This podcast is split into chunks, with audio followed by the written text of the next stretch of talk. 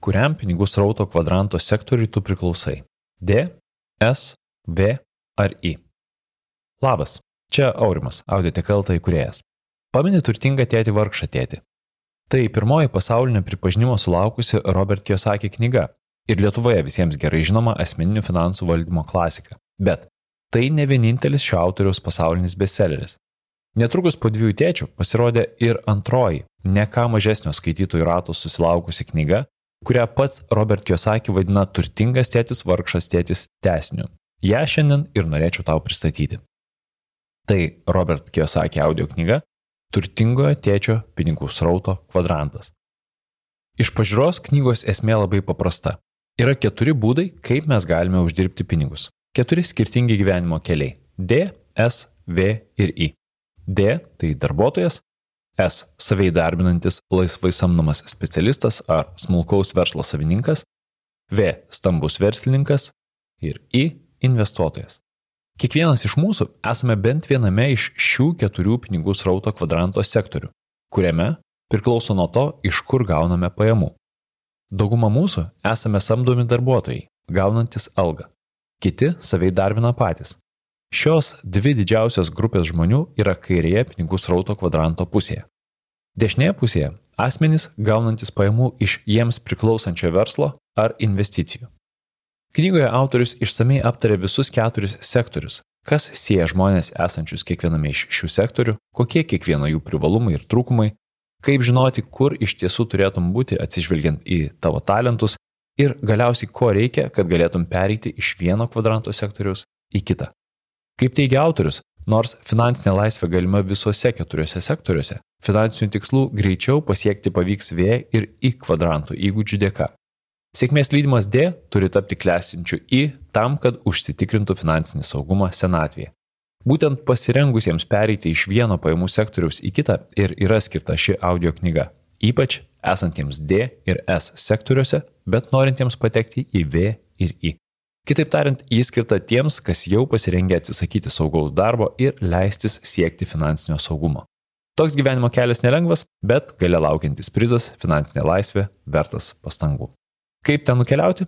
Pasiklausyk audio knygos ir sužinosi. Netrukus kviečiu klausytis 30 minučių trukmės nemokamos audio knygos ištraukos. Trumpai apie audio knygą. Autorius Robert Kiyosaki, pavadinimas Turtingojo tėčio pinigų srauto kvadrantas, Skaito Simas Stankus. Trukmė 7 val. 21 min. Ištraukos trukmė 30 min. Paklausom. Mano turtingas tėtis sakydavo, niekada neturėsi visiškos laisvės, jei nebūsi laisvas finansiškai. Ir pridurdavo, laisvė gal ir visiems prieinama, bet ji turi savo kainą. Ši knyga skirta norintiems sumokėti šią kainą. Redaktoriaus žodis - laikai keičiasi. Nuo tada, kai 1997-aisiais pasirodė turtingas tėtis vargšas tėtis, turimas omenyje pirmasis leidimas anglų kalba, mūsų ekonomikos ir investicijų žemėlapyje daug kas pasikeitė. Tada Robertas Kijosakis garsiai paprieštaravo tradiciniai išminčiai, teikdamas, kad mūsų namas nėra aktyvas. Jo netradicinį požiūrį į pinigus ir investavimą pasaulis pasitiko skeptiškai, kritiškai ir piktai. 2002-aisiais Roberto Kiyosakio knyga turtingo tėčio pranašystės Rich Dad's Prophecy patarė ruoštis grėsinčiai finansų rinkos kriziai. 2006-aisiais Robertas Kiyosakis suvienijo jėgas su Donaldu Trumpu ir parašė, kodėl mes norime, kad jūs būtumėte turtingi. Why we want you to be rich. Knygą, kurią parašyti, paskatino Amerikos viduriniosios klasės nykimas. Robertas Kiyosakis ir toliau atkakliai propaguoja finansinio švietimo svarbą ir naudą. Šiandien po rizikingų investicijų fiasko, investicinių bendrovių uždarimo ir tebesitęsiančio pasaulinės ekonomikos smukimo, jo žodžiai skamba ne tik pranašiškai, bet ir itin pažangiai. Daugybė skeptikų įsilėjo į palaikančiųjų gretas.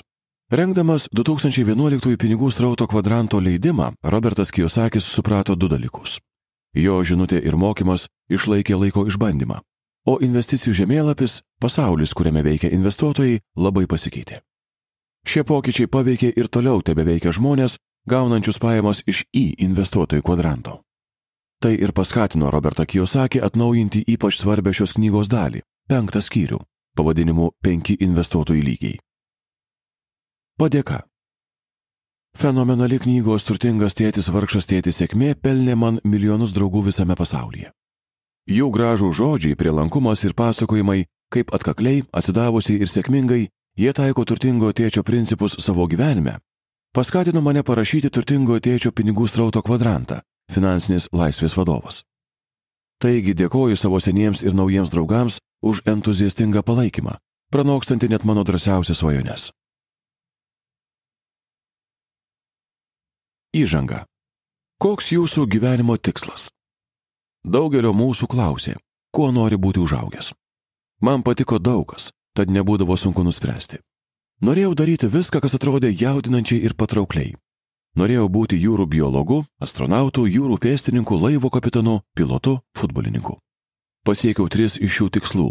Tapau jūrų pėstininkų korpuso karininku, laivo kapitonu ir pilotu. Žinojau, kad nenoriu būti mokytoju, rašytoju ir buhalteriu. Mokytoju nenorėjau būti, nes nemėgau mokyklos. Rašytoju, nes du kartus susikirtau per anglų kalbos egzaminą.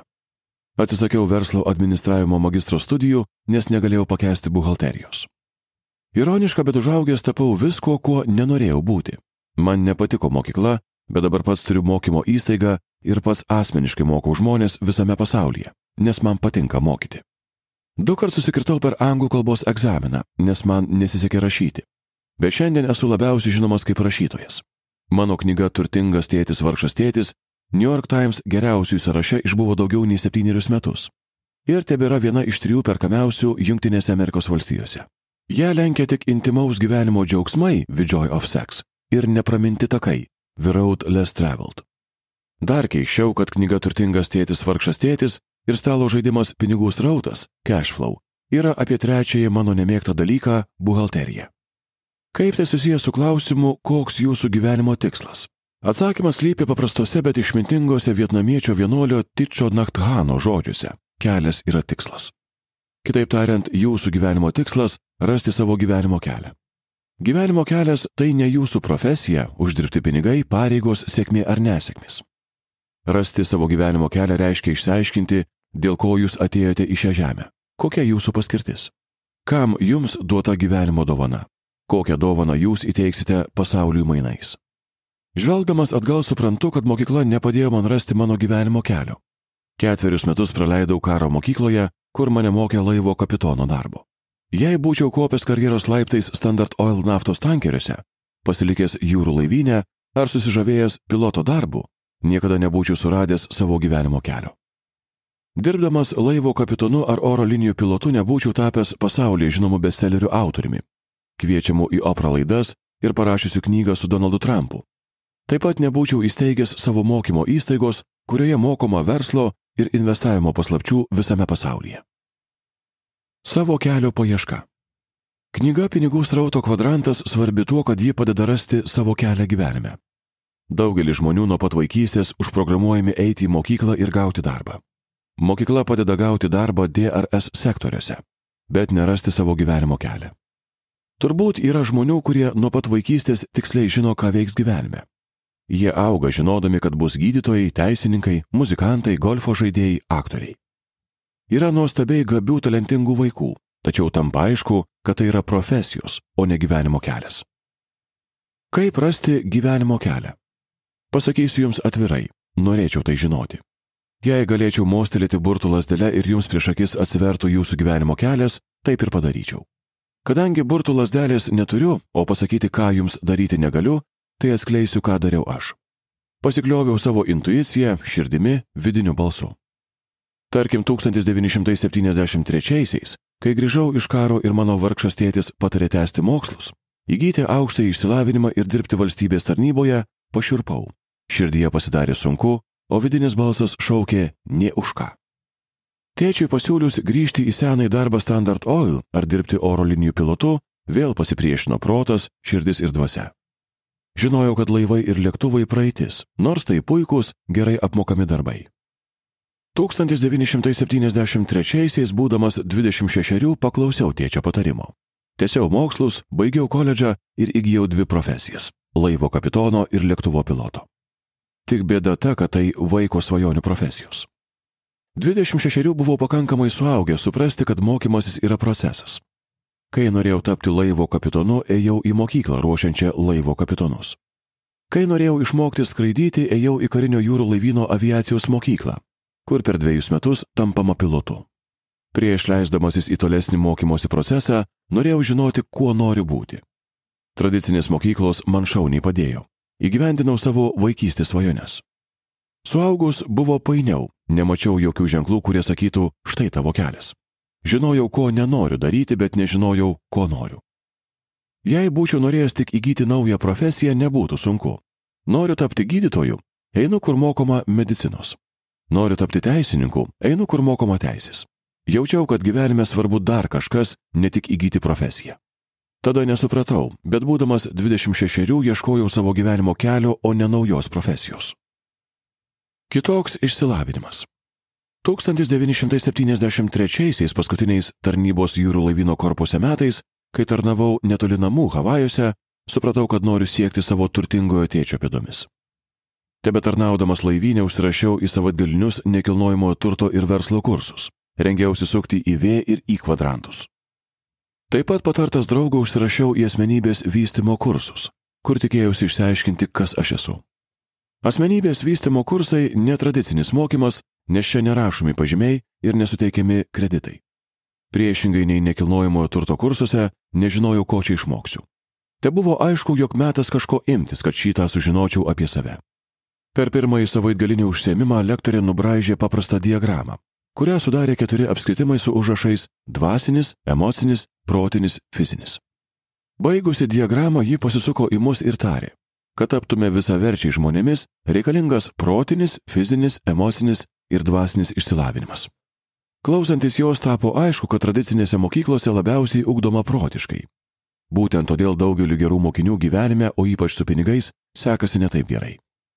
Vėliau sužinojau, kodėl man nepatiko mokykloje. Supratau, kad man patiko mokytis, bet nepatiko pati mokykla. Tradicinė mokykla puikiai vieta dešimtukininkams, bet ne man. Tradicinė švietimo sistema gniuždė mano dvasę, nes joje tvyro baimė. Baimė suklysti, baimė pralaimėti, baimė negauti darbo. Joje buvau rengiamas veikti DRS sektoriuose. Supratau, kad tradicinė švietimo sistema ne vieta norintiems dalyvauti V ir I kvadrantuose. Galbūt todėl tiek daug verslininkų taip ir nebaigė mokslų.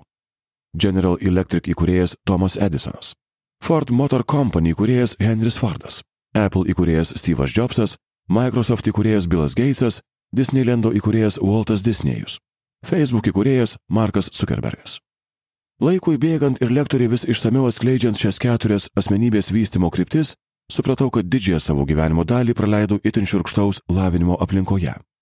Po ketverių metų vaikino karo akademijoje ir penkerių metų karinio jūrų laivyno piloto darbo buvau ganėtinai stiprus protiškai ir fiziškai. Kaip karinio jūrų laivyno pilotas buvau stiprus emociškai ir dvasiškai, bet tik iš tradiciškai vyriškosios pusės. Neturėjau moteriškosios energijos, švelnumo. Mane mokė būti karinio jūrų laivyno korpuso pareigūnu, išlikti ramiam stresinėse situacijose, būti pasirengus žudyti ir mirti už savo šalį. Jei matėte filmą Oro gvardija Top Gun su Tomu Kruzu, galite įsivaizduoti, kokiame raumenų ir demonstratyvios drąsos pasaulyje gyvena karo pilotai. Man patiko ir sekėsi taip gyventi, tarsi šio laikinėme riterių ir karių pasaulyje, kuriame nėra vietos ištižėliams. Per seminarą įsigilinau į savo jausmus ir akimirkai paliečiau savo sielą. Aš verkiau, nes buvo dėl ko. Padariau ir mačiau tokių dalykų, kokių niekas neturėtų būti prašomas daryti. Per seminarą apkabinau žmogų, ko anksčiau niekada nesudaręs, net savo tėvo. Sekmadienio vakarą buvo labai sunku palikti šį saviugdos seminarą. Jame vyravo tokia švelni, kupina meilės atvira atmosfera. Pirmadienį ryte vėl atsidūręs tarp jaunų egocentriškų pilotų, kurių tikslas skraidyti, žudyti ir mirti už savo šalį, tiesiog patyriau šoką. Po savaitgalio seminaro tapo aišku, kad atėjo metas keistis. Žinojau, kad tobulėti emociškai ir dvasiškai ir tapti geresniam, švelnesniam, supratingesniam bus labai sunku. Karo akademijoje ir pilotų mokykloje praleista daug metų. Niekada nebegrįžau prie tradicinio mokymo. Nebenorėjau mokytis dėl pažymių, laipsnių, karjeros ar munduro. Nuo tol, jei lankiau kursus ar mokslo įstaigą, tai tik tam, kad išmokčiau būti geresniu žmogumi. Augant mokytojų šeimoje, pažymiai, baigtos mokyklos ar koledžai, moksliniai laipsniai yra viskas. karinio jūrų laivyno pilotai segasi medalius ir juosteles, o pedagogams statusą rodo moksliniai laipsniai ir švietimo įstaigų pavadinimai. Jie mano, kad gimnazijos nebaigę žmonės nieko verti, prarastos sielos. Magistrai žvelgia iš aukšto į bakalaurus, mokslų daktarai garbinami. Sulaukęs 26 žinojau, kad niekada nebegrįšiu šį pasaulį. 2009 metais Kijosakis gavo verslininkystės garbės daktaro vardą prestižinėme Ignaco Loyolos universitete Lima, Peru. Be jo šį apdovanojimą yra gavę keli politiniai lyderiai, įskaitant Ispanijos prezidentą. Kaip aš radau savo kelią? Turbūt kai kas iš jūsų dabar mano, kodėl jis tiek kalba apie netradicinius švietimo kursus. Ogi todėl, kad tas pirmas savigdo seminaras pažadino mano norą mokytis, bet mokytis ne taip, kaip mokoma mokykloje. Jam pasibaigus, tapau priklausomas nuo seminaro. Ėjau iš vieno į kitą, tikėdamasi sužinoti daugiau apie kūno, proto, emocijų ir dvasios ryšį. Kuo daugiau mokiausi, tuo labiau abejojau tradicinę švietimo sistemą. Kodėl tiek daug vaikų nekenčia mokyklos? Kodėl tik nedaugeliui patinka mokykloje? Kodėl daug itin išsilavinusių žmonių gyvenime nieko nepasiekia? Ar mokykla ruošia mus gyvenimui? Kodėl aš nekenčiu mokyklos, bet mėgstu mokytis? Kodėl dauguma mokytojų neturtingi? Kodėl mokykloje beveik nemokoma apie pinigus? Norėdamas atsakyti į šiuos klausimus, ėmiau studijuoti švietimo sistemą už šventų mokyklos sienų. Kuo labiau gilinausi, tuo labiau supratau, kodėl man nepatinka mokykla. Ir kodėl ji netinka daugeliui mokinių net dešimtukininkų. Smalsumas pažadino mano sielą ir tapau verslininku švietimo srityje. Jei nesmalsumas, gal dabar nebūčiau rašytojas ir lavinamųjų finansinių žaidimų kuriejas. Dvasinis lavinimas padėjo man rasti savo gyvenimo kelią. Panašu, kad gyvenimo kelias slypi ne galvoje, o širdyje. Tai nereiškia, kad jo negalima aptikti tradicinėje mokykloje. Esu tikras, kad daugelis tai gali. Tik vargu, ar aš jį būčiau radęs tradicinėje mokykloje. Kodėl svarbu būti savo vietoje? Visi pažįstame daug uždirbančių, bet savo darbo nekenčiančių žmonių. Taip pat pažįstame mažai uždirbančių, bet vis tiek savo darbo nekenčiančių žmonių. Ir pažįstame tokių, kurie tiesiog dirba dėl pinigų. Vienas mano bendrakursis iš karinio jūro laivyno akademijos taip pat suprato, kad nenori visą gyvenimą plaukioti jūroje. Užuot rinkęsis tarnybą, baigęs akademiją, jis pasuko į teisės mokslus. Dar po trejų metų tapo teisininku ir pradėjo privačią praktiką S sektoriuje. Sėkmės lydimas, bet nelaimingas teisininkas mirė nesulaukęs ne 50. Kaip ir aš, būdamas 26, jis turėjo dvi profesijas.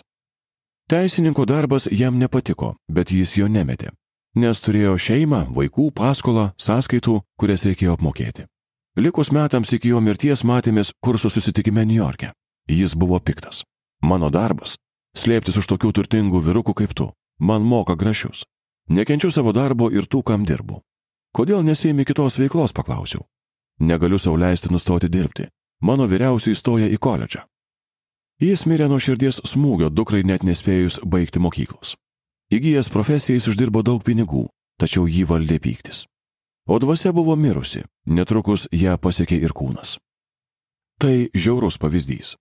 Daugelis žmonių nėra taip nusiteikę prieš savo darbą kaip mano bičiulis. Tačiau jis iliustruoja problemą, kai žmogus tarsi įstringa savo profesijoje ir neranda tikrojo gyvenimo kelio. Manau, kad tai tradicinės švietimo sistemos bėda. Milijonai žmonių baigia mokyklas tik tam, kad įstriktų nepatinkančiuose darbuose, suprasdami, jog kažko jiems trūksta. Daug žmonių įstringa ir finansiniuose pastuose. Uždirba tik tiek, kad išgyventų, nori uždirbti daugiau, bet nežino, ką daryti. Nežinodami apie kitas galimybės, jie grįžta į mokyklas, kad įgytų naujų profesijų, arba bando papildomai užsidirbti D ir S sektoriuose, nie nenutokdami apie V ir I sektorių pasaulį. Kodėl aš tapau mokytoju? Svarbiausia priežastis, kodėl tapau mokytoju V sektoriuje, noras šviesti žmonės finansų klausimais. Troško, kad žinios būtų prieinamos visiems norintiems mokytis, nepriklausomai nuo turimų pinigų ar pažymių vidurkio. Štai kodėl Rich Dad Company pradėjo veiklą nuo pinigų strauto žaidimo. Jas gali mokyti tokiose vietose, kur aš niekad nenuvykčiau. Žaidimo grožis tas, kad jis skirtas mokyti vieniems kitus. Nereikia nei brangaus mokytojo, nei klasės. Pinigų strauto žaidimas išverstas į daugiau nei 16 kalbų ir mėgstamas milijonų žmonių visame pasaulyje. Šiandien Rich Dad Company siūlo finansinio švietimo kursus, coacherių ir mentorių paslaugas. Mūsų programos ypač svarbios norintiems iš D ir S kvadrantų patekti į V ir I kvadrantus. Nėra garantijos, kad visiems pasiseks V ir I kvadrantuose, bet bent jau žmonės žinos, kaip juos patekti. Keistis nelengva. Man nebuvo lengva pereiti į kitus kvadrantus. Buvo sunku protiškai, bet dar sunkiau emociškai ir dvasiškai. Užaugęs išsilavinusių žmonių iš D sektoriaus šeimoje, aš perėmiau ir jų vertybės - išsilavinimą, saugumą, socialinės garantijas, pensiją. Daugeliu atžvilgių mano šeimos vertybės apsunkino pereimą. Turėjau nepaisyti jų įspėjimo, susirūpinimo ir kritikos dėl tapimo verslininku ir investuotoju. Reikėjo įveikti tokius įsitikinimus kaip - bet tu turi turėti darbą, tu per daug rizikuoji, kas jei nepavyks, grįžk mokytis ir gauk magistro laipsnį, tapk gydytoju, jie daug uždirba. Turtuoliai godus, kodėl tau taip svarbu pinigai, pinigai nesuteiks laimės, tiesiog gyvenk pagal išgalės, elgis saugiai, neskrajok padebesiais. Dieta ir mankšta. Paminėjau emocinį ir dvasinį lavinimąsi, nes tik taip galima kažką iš esmės pakeisti gyvenime. Juk apkūniam žmogui retai kada pakanka pasakyti mažiau valgyk ir daugiau sportuok. Protu suvokime, kad reikia mažiau valgyti ir daugiau mankštintis. Bet žmonės su ansvariu valgo ne todėl, kad jaučiasi alkani, o tam, kad užpildytų emocinę ir dvasinę tuštumą. Mažiau valgydami ir mankštindamėsi žmonės dirba tik protų ir kūnų. Be emocinio tobulėjimo ir dvasinės jėgos dietos galima laikytis šešis mėnesius, numesti daug svorio, bet vėliau priaukti dar daugiau. Tas pats ir keičiant pajamų kvadrantą. Nuspręsti dabar aš būsiu verslininkas iš V sektoriaus taip pat nerimta kaip užkėtėjusiam rūkaliui sakyti nuo rytojaus nerūkau. Rūkimas - fizinė priklausomybė, kurią sukelia emocinės ir dvasinės problemos. Be emocinio ir dvasinio palaikymo rūkalius visada rūkys. Taip pat ir alkoholikas, seksomanas, parduotuvių maniakas. Dauguma priklausomybių - tai bandymai patirti laimę. Todėl mano bendrovė siūlo mokomasias programas protui ir kūnui ir papildo jas kočeriais bei mentoriais, padedančiais įveikti emocinius bei dvasinius virsmus. Tik nedaugeliu pavyksta sustvarkyti patiems. Man nepavyko. Jei neturtingojo tėčio ir žmonos pagalba, nebūčiau nieko pasiekęs. Daugybę kartų norėjau viską mesti ir pasitraukti. Ir jei nekim ir mano turtingasis tėtis, taip ir būčiau padaręs. Kodėl nesiseka pirmūnams? Dar kartą prisiminus diagramą nesunku suprasti, kodėl mokyklos dešimtukininkams nesiseka pinigų pasaulyje. Žmogus gali būti labai išsilavinęs protiškai, bet jei jiems stinga emocinio išsilavinimo, baimė neleis kūnui daryti tai, kas privalu. Būtent todėl daugelis dešimtukininkų įstringa analitinio paralyžiaus stadijoje. Analizuoja visas smulkmenas, bet nieko nedaro. Analitinį paralyžių skatina mūsų švietimo sistema, baudžianti mokinius už klaidas. Pagalvokite, dešimtukininkai todėl ir yra dešimtukininkai, kad jie daro mažiausiai klaidų.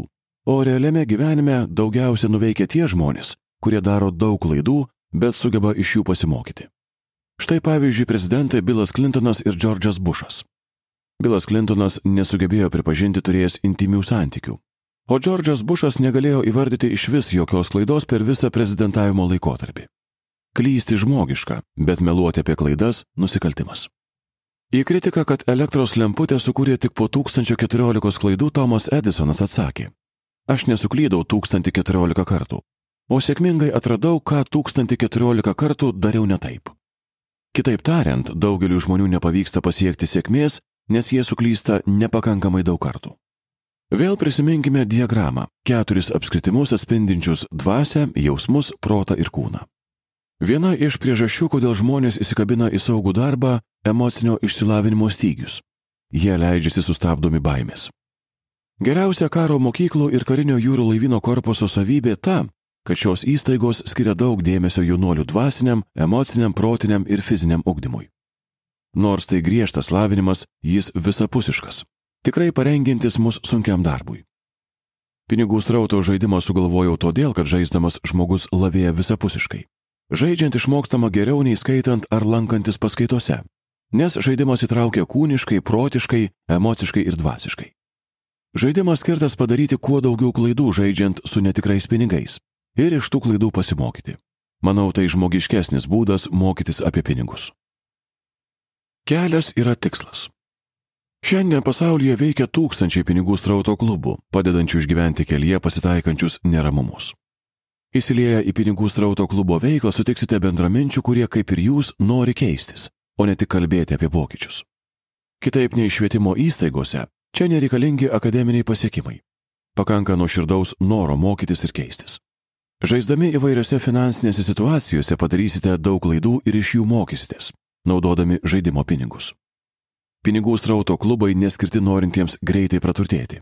Jų tikslas padėti žmonėms siekiantiems protinių, emocinių, dvasinių ir fizinių pokyčių.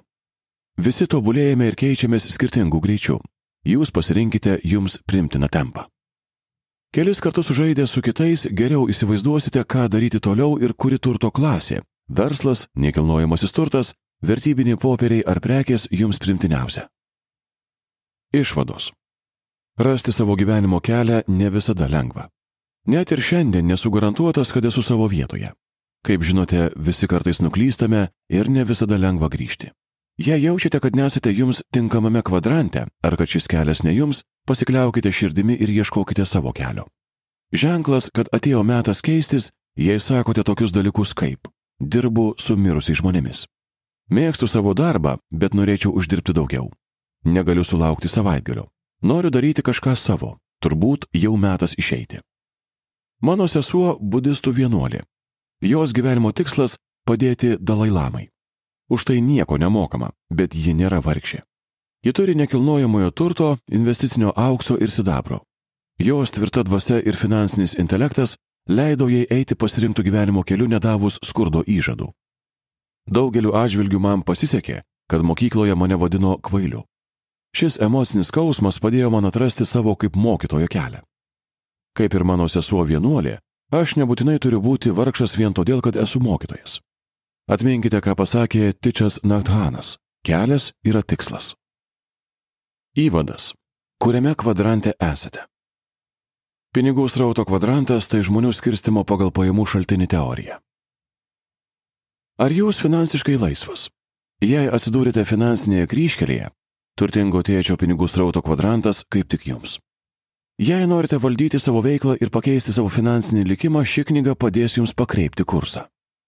Tai pinigų strauto kvadrantas, kurio schemą rasite internetinio dokumento pirmame paveiksle adresu audioknyga.lt pasviras brūkšnelis kvadrantas.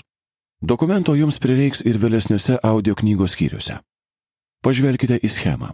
Kiekvieno sektoriaus raidės turi tam tikrą reikšmę. D - darbuotojas. S save įdarbinantis laisvai samdomas specialistas ar smulkaus verslo savininkas. V. Stambus verslininkas. I. Investuotojas. Kiekvienas iš mūsų esame bent viename iš keturių pinigų strauto kvadrantų, kuriame priklauso nuo to, iš kur gauname pajamų. Daugelis esame samdomi darbuotojai gaunantys algą, kiti save įdarbina patys. Darbuotojai ir savo dirbantis asmenys veikia kairėje pinigų strauto kvadranto pusėje, dešinėje pusėje asmenys gaunantis pajamų iš jiems priklausančio verslo ar investicijų. Taikant pinigų strauto kvadranto teoriją, lengva kategorizuoti žmonės pagal pajamų šaltinį. Kiekvienas pinigų strauto kvadranto sektorius unikalus, o jam priklausantiems žmonėms būdingos bendros savybės. Priskyrę save kuriam nors sektoriui, aiškiai suprasite, kur esate šiandien ir galėsite lengviau patekti ten, kur norite būti rytoj, pasirinkę savo kelią į finansinę laisvę. Nors finansinė laisvė galima visose keturiose sektoriuose, finansinių tikslų pasieksite greičiau V ir I kvadrantų įgūdžių dėka. Sėkmės lydimas D turi tapti klestinčių į tam, kad užsitikrintų finansinį saugumą senatvėje. Kuo nori būti užaugęs? Ši knyga daugeliu atžvilgių yra knygos Turtingas tėtis vargšas tėtis antroji dalis. Tiems, kas neklausė, pasakysiu, kad knygoje Turtingas tėtis vargšas tėtis pateikiama įvairių pamokų apie pinigus ir gyvenimo pasirinkimus, gautų iš mano dviejų tėčių, turtingo ir vargšo, mano tikrojo tėčio ir mano geriausio draugo tėčio. Vienas itin išsilavinęs, kitas pašalintas iš mokyklos, vienas vargšas, kitas turtingas. Vargšo tėčio patarimas. Augindamas mane mano išsilavinęs, bet neturtingas tėtis visada sakydavo, eik į mokyklą, gau gerus pažymius ir susirask gerą darbą. Jis siūlė tapti gerai apmokamu D darbuotoju arba S, save įdarbinančiu laisvai samdomu specialistu, tokiu kaip gydytojas, teisininkas, buhalteris. Mano vargšui tėčiui labiau rūpėjo stabili alga, privilegijos, darbo saugumas, todėl jis dirbo gerai apmokamų valstybės tarnautojų, Havajų valstijos švietimo skyriaus vadovu. Turtingojo tėčio patarimas. Mano neišsilavinęs, bet turtingas tėtis siūlė visai ką kitą. Eik mokytis, baig mokslus, sukurk verslą ir tap klestinčių investuotojų. Jis siūlė rinktis V stambaus verslininko ir į investuotojo gyvenimo kelią. Ši knyga apie protinius, emocinius ir lavinamosius procesus, kuriuos man teko pereiti paklausius turtingojo tėčio patarimo. Kam skirta ši knyga? Knyga parašyta žmonėms pasirengusiems pereiti iš vieno pajamų sektoriaus į kitą, ypač asmenims esantiems D ir S sektoriuose, bet svajojantiems patekti į V ir I. Knyga skirta visiems pasirengusiems atsisakyti saugaus darbo ir leistis siekti finansinio saugumo. Toks gyvenimo kelias nelengvas, bet gale laukiantis prizas - finansinė laisvė vertas pastangų. Kai buvau dvylikus, turtingasis tėtis papasakojo man paprastą istoriją, paskatinusią mane siekti turto ir finansinės laisvės. Jis savai paaiškino skirtumą tarp kairiosios pinigų strauto kvadranto pusės D ir S sektorių ir dešiniosios V ir I sektorių. Tad štai kokia istorija. Buvo vienas kaimelis. Puikiai vieta gyventi, jei ne viena bėda. Kaimelėje nebuvo vandens, kol nepalydavo. Norėdami kartą ir visiems laikams išspręsti šią bėdą, kaimelio vyresniai paprašė gyventojų pateikti pasiūlymus vandeniui į miestelį tiekti. Du savanoriai pasišovė išspręsti šią problemą ir vyresniai sudarė sutartį su jais abiem. Gudruoliai vyresniai mane, kad truputis konkurencijos padės sumažinti kainą ir užtikrins atsarginę alternatyvą. Pirmasis sutarties laimėtojas vardu Edas iškart puolė, nusipirko du cinkuotus kibirus ir pasileido bėgioti prie ežero, esančio už mylios. Pinigai ėmė kapsėti be matant, nes jis nuo ryto iki vakaro kibirais tampė iš ežero vandenį ir pylė į didžiulę betoninę vidury kaimelio įrengtą talpyklą. Kas rytį jis keldavosi anksčiausiai už visus tam, kad pasirūpintų vandens atsargomis. Jis sunkiai dirbo, bet džiaugiasi galėdamas uždirbti. Antrasis sutarties laimėtojas Bilas kuriam laikui dingo. Kelis mėnesius jo nesimatė, kuo labai džiaugiasi Edas, nes nebuvo konkurencijos. Užuot pirkęs du kibirus ir konkuravęs su Edu, Bilas sukūrė verslo planą. Įsteigė bendrovę, surado investuotojų, pasamdė direktorių ir grįžo po šešių mėnesių su statybininkų komanda. Per metus jis nutėsė nerudyjančio plieno vamzdyną nuo ežero iki miestelio. Per iškilmingą atidarimo ceremoniją Bilas pranešė, kad jo vanduo švaresnis nei Edo. Jis žinojo apie gyventojų skundus dėl nepakankamai švaraus Edo vandens. Dar Bilas paskelbė, kad gali tiekti vandenį į miestelį 24 valandas per parą, 7 dienas per savaitę. O Edas tiekdavo vandenį tik darbo dienomis, nes nenorėjo dirbti savaitgaliais. Toliau Bilas pranešė, kad jo vanduo kainuos 75 procentais mažiau nei Edo, nors jis kokybiškesnis ir patikimiau tiekiamas. Kaimelio gyventojai apsidžiaugė ir iškart išsirikiavo prie Bilo čiaupo. Nenorėdamas pasiduoti, Edas sumažino kainas 75 procentais. Nusipirko dar du kibirus, pritaisė kibirams dangčius ir vienu kartu ėmė nešti keturis kibirus. Siekdamas geriau aptarnauti gyventojus, pasisamdė du savo sūnus, kad padėtų jam naktį ir savaitgaliais. Berniukams išėjus į koledžą tarė, greičiau grįžkite, nes vieną dieną šis verslas priklausys jums. Kažkodėl jo sūnus negryžo, o Edui teko spręsti problemas su darbuotojais ir profesinėmis sąjungomis, kurios reikalavo didesnių atlyginimų ir privilegijų, ir neversti žmonių nešti daugiau nei po vieną kibirą. O Bilas pamanė, kad jei šiam kaimeliui reikia vandens, gal jo reikia ir kitiems kaimeliams. Jis perrašė savo verslo planą ir ėmė siūlyti savo greitaeigę, galingą, pigę švarę vandens tiekimo sistemą viso pasaulio kaimeliams. Iš kibiro vandens jis uždirba kelis centus, bet kasdien parduoda milijardus kibirų. Ar jis dirba ar ne, galybė žmonių suvartoja daugybę kibirų vandens ir pinigai tekėte teka į banko sąskaitą. Bilas įrengė ne tik vandentiekį kaimeliams, bet ir pinigų strautą savo pačiam. Bilas toliau gyveno ilgai ir laimingai, o Edas visą gyvenimą sunkiai dirbo ir neišlipo iš finansinių bėdų. Pabaiga. Istorija apie Bilą ir Edą lydėjo mane daugelį metų. Ji padėjo man ir mano žmonai Kim priimti daugelį sprendimų.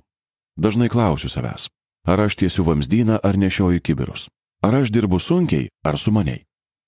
Atsakymai padėjo man pasiekti finansinės laisvės. Štai apie ką ši knyga. Apie tai, ką reiškia būti V ir I sektoriuose. Jis skirta žmonėms, kurie pavargo nešioti kibirus ir yra pasirengę tiesti vamzdyną pinigams tekėti į jų kišenes. Knygą sudaro trys dalys. Pirma dalis. Pirmoje knygos dalyje daugiausia dėmesio skiriama žmonių gaunančių pajamas iš skirtingų sektorių skirtumams. Atskleidžiama, kodėl tam tikrų žmonės traukia tam tikros rytis ir dažnai patys nesuprasdami, jie įstringa juose. Ši dalis padės jums išsiaiškinti, kurioje kvadranto dalyje esate šiandien ir kur norite būti po penkerių metų. Antra dalis.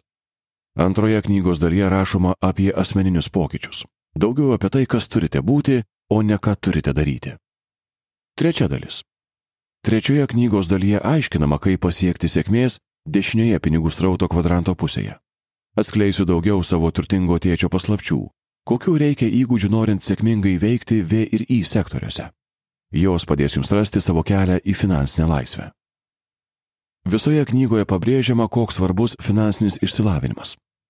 Jei norite veikti dešinėje pinigų srauto kvadranto pusėje, V ir I sektoriuose, turite būti sumanesni nei nusprendę pasilikti kairėje, D ir S pusėje. Norėdami būti V ir I, turite valdyti savo pinigų srautą. Knyga parašyta žmonėms pasirengusiems keisti savo gyvenimą, atsisakyti saugaus darbo ir leistis tiesti vamzdyną tam, kad pasiektų finansinės laisvės. Gyvename informacijos amžiuje. Vadinasi, turime kur kas daugiau galimybių gauti finansinę naudą nei anksčiau. Turintieji V ir I įgūdžių sugebės išugdyti galimybių ir jomis pasinaudoti. Norint pelnyti sėkmę informacijos amžiuje, reikalinga visų keturių kvadrantų informacija. Deja, mūsų mokyklos tebėra pramonės amžiuje ir rengia žmonės tik kairiai pinigų strauto kvadranto pusiai. Jei ieškote atsakymų, kaip judėti pirmin informacijos amžiuje, ši knyga jums. Visų atsakymų nerasite, bet pasidalinsiu giliomis asmeninėmis išvalgomis ir žiniomis, sukauptomis keliaujant iš D ir S sektorių į V ir I sektorius. Tai buvo nemokama ištrauka iš Robert Kiyosaki audio knygos Turtingojo tėčio pinigų srauto kvadrantas. Nuorodą į pilną audio knygą, o taip pat ir į pirmąją Robert Kiyosaki audio knygą Turtingas tėtis, vargšas tėtis, rasi šio audio laiško apraše. Arba įsidėk audioteka programėlę ir audio knygos klausyk patogiai per ją. Gero laiko su audioteka ir iki kito audio laiško.